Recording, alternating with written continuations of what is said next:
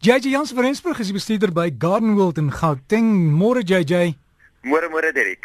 JJ, iemand het vir my vroeër 'n boodskap gesien en gesê ek moet jou vra, as jy nou sinema onkruiddoder spuit, ek weet mense moet altyd versigtig wees.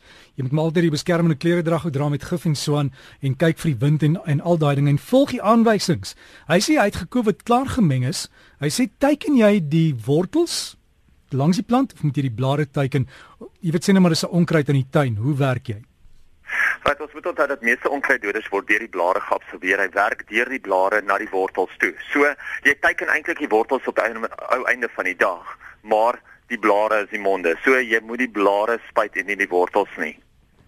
Dankie vir daai JJ en wat doen ons nog in die tuin hierdie tyd van die jaar? Daar's hy. Dirk hierdie tyd van die jaar is natuurlik die laaste gedeelte van die somer en dit is eintlik nou die regte tyd wat 'n mens moet onthou om jou groentes en jou kruie alles te gebruik wat jy kan gebruik. Jy weet, as mense dit nie nou gaan gebruik nie, gaan jy ongelukkig baie van dit verloor en onthou hoe, hoe minder jy van dit nou gebruik, hoe vinniger gaan hulle begin saad skiet en hoe korter gaan jou gebruikperiode eintlik wees. Wat 'n mens baie keer kan doen en wat mense van vergeet, is om jou kruie te pluk en dit eintlik te vries. Weet jy hoeveel mense vat daai kruie gooi dit in ysbakkies, gooi water by en vries dit. En dan as jy mense lekker pot daarso maak waar mense kruie wil ingooi, kan jy sommer daai blokkie ys net so in die pot ingooi, dan is dit eintlik vars gevriesde kruie wat jy sommer net daar in die pot gebruik. So maklik soos dit.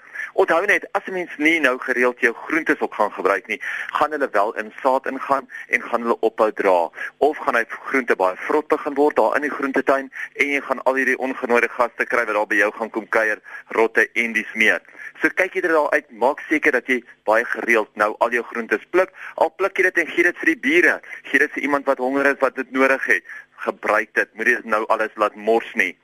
Nou is ook 'n goeie tyd om weer te gaan en al jou onkruidsade af te breek. Want as jy nie nou jou onkruidsade gaan afbreek nie, gaan jy onkruide saad skiet en gaan jy twee keer so groot probleme in die nuwe seisoen. Onthou, jou laaste plante wat altyd op hulle mooiste lyk in jou tuin is gewoonlik die onkruide. Jy weet daar wat jy nooit wil hê nie en dan die eerste groenigheid wat ons in die in die lente kry, is weer onkruide. So As jy dit nie nou gaan doen nie, gaan jy wel 'n baie groter probleem in die nuwe seisoen hê. Mense wat drywe het, ek weet ons die Kaap is natuurlik vol van drywe en oral in die Kaap pluk almal nou die drywe, maar as jou drywe nog nie heeltemal geryp geword het nie en hulle is al besig om om ryp te word, onthou om, om asseblief nou minder water te gooi, want as jy nou baie water gooi, gaan jou drywe baie waterig wees en gaan jy baie fungus siektes kry. So gooi nou minder water, dan gaan jou drywe al hoe soeter word nou soos hulle ryp word. So gepraat van nat maak. Pas op om nie jou blare nat te maak nie. As jy jou plante se blare nou baie nat maak, veral nou met al die hitte, veral met die bietjie reën wat ons ook plek plek kry, gaan jy baie fungusse op jou blare kry, veral as jy nou nog ekstra water op die blare ook gooi.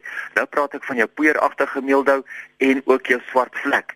So as jy wel die poeieragtige meelde of die swart vlek het, gaan kry jy ietsie soos 'n oreus of so en spuit jou plante daarmee. Oreus is 'n baie goeie breë spektrum fungusdoder wat 'n mens kan gebruik.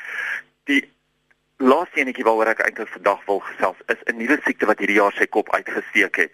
Ongelukkig kry ons dit op al ons witstinkhoutbome, die inheemse witstinkhoutbome en ook die uitheemse witstinkhoutbome. Dit wanneer daar so wollerigheid onder op die blare voorkom en dit laat 'n mens dink aan 'n witvlieg, dit laat 'n mens dink aan 'n wolhuis, maar hierdie is 'n Asiese wollerige plantluis. So dit is nie 'n wolhuis nie, dit is 'n plantluis, maar hy het 'n wollerige voorkoms.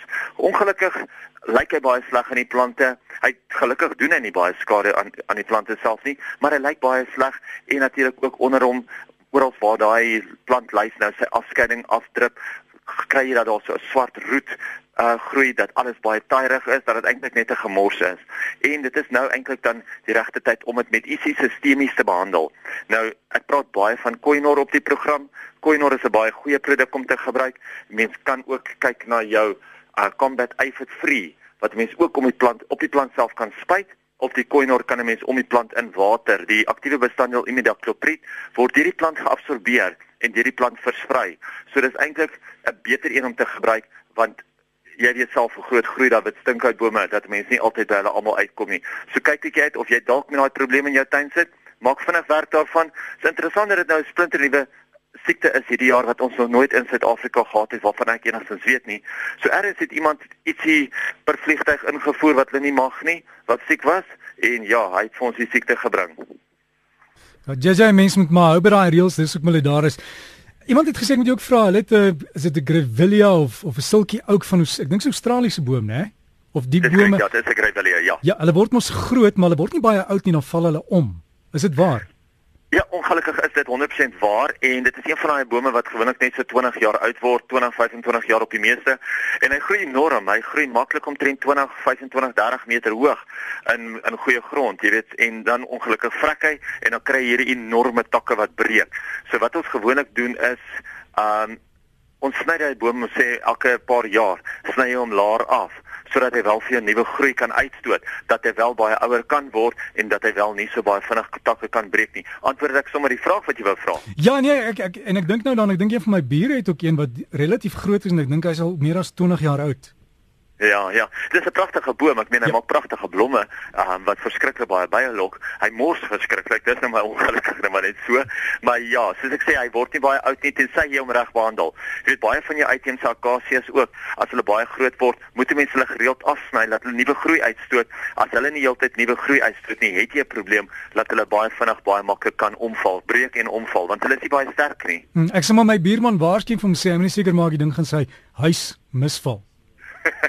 ja nee definitief.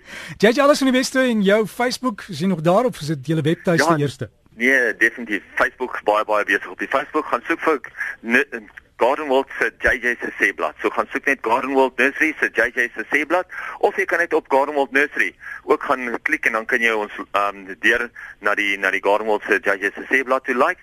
Andersins wel op e-pos nog steeds jj@gardenworld.co.za, maar as jy sukkel, gaan loer op ons webtuiste gardenworld.co.za. En hy JJ is hier hier Ja ja by gardenworld.co.za en dit dan JJ Jansen van Rensburg van Gardenworld hier met ons tuinpraatjie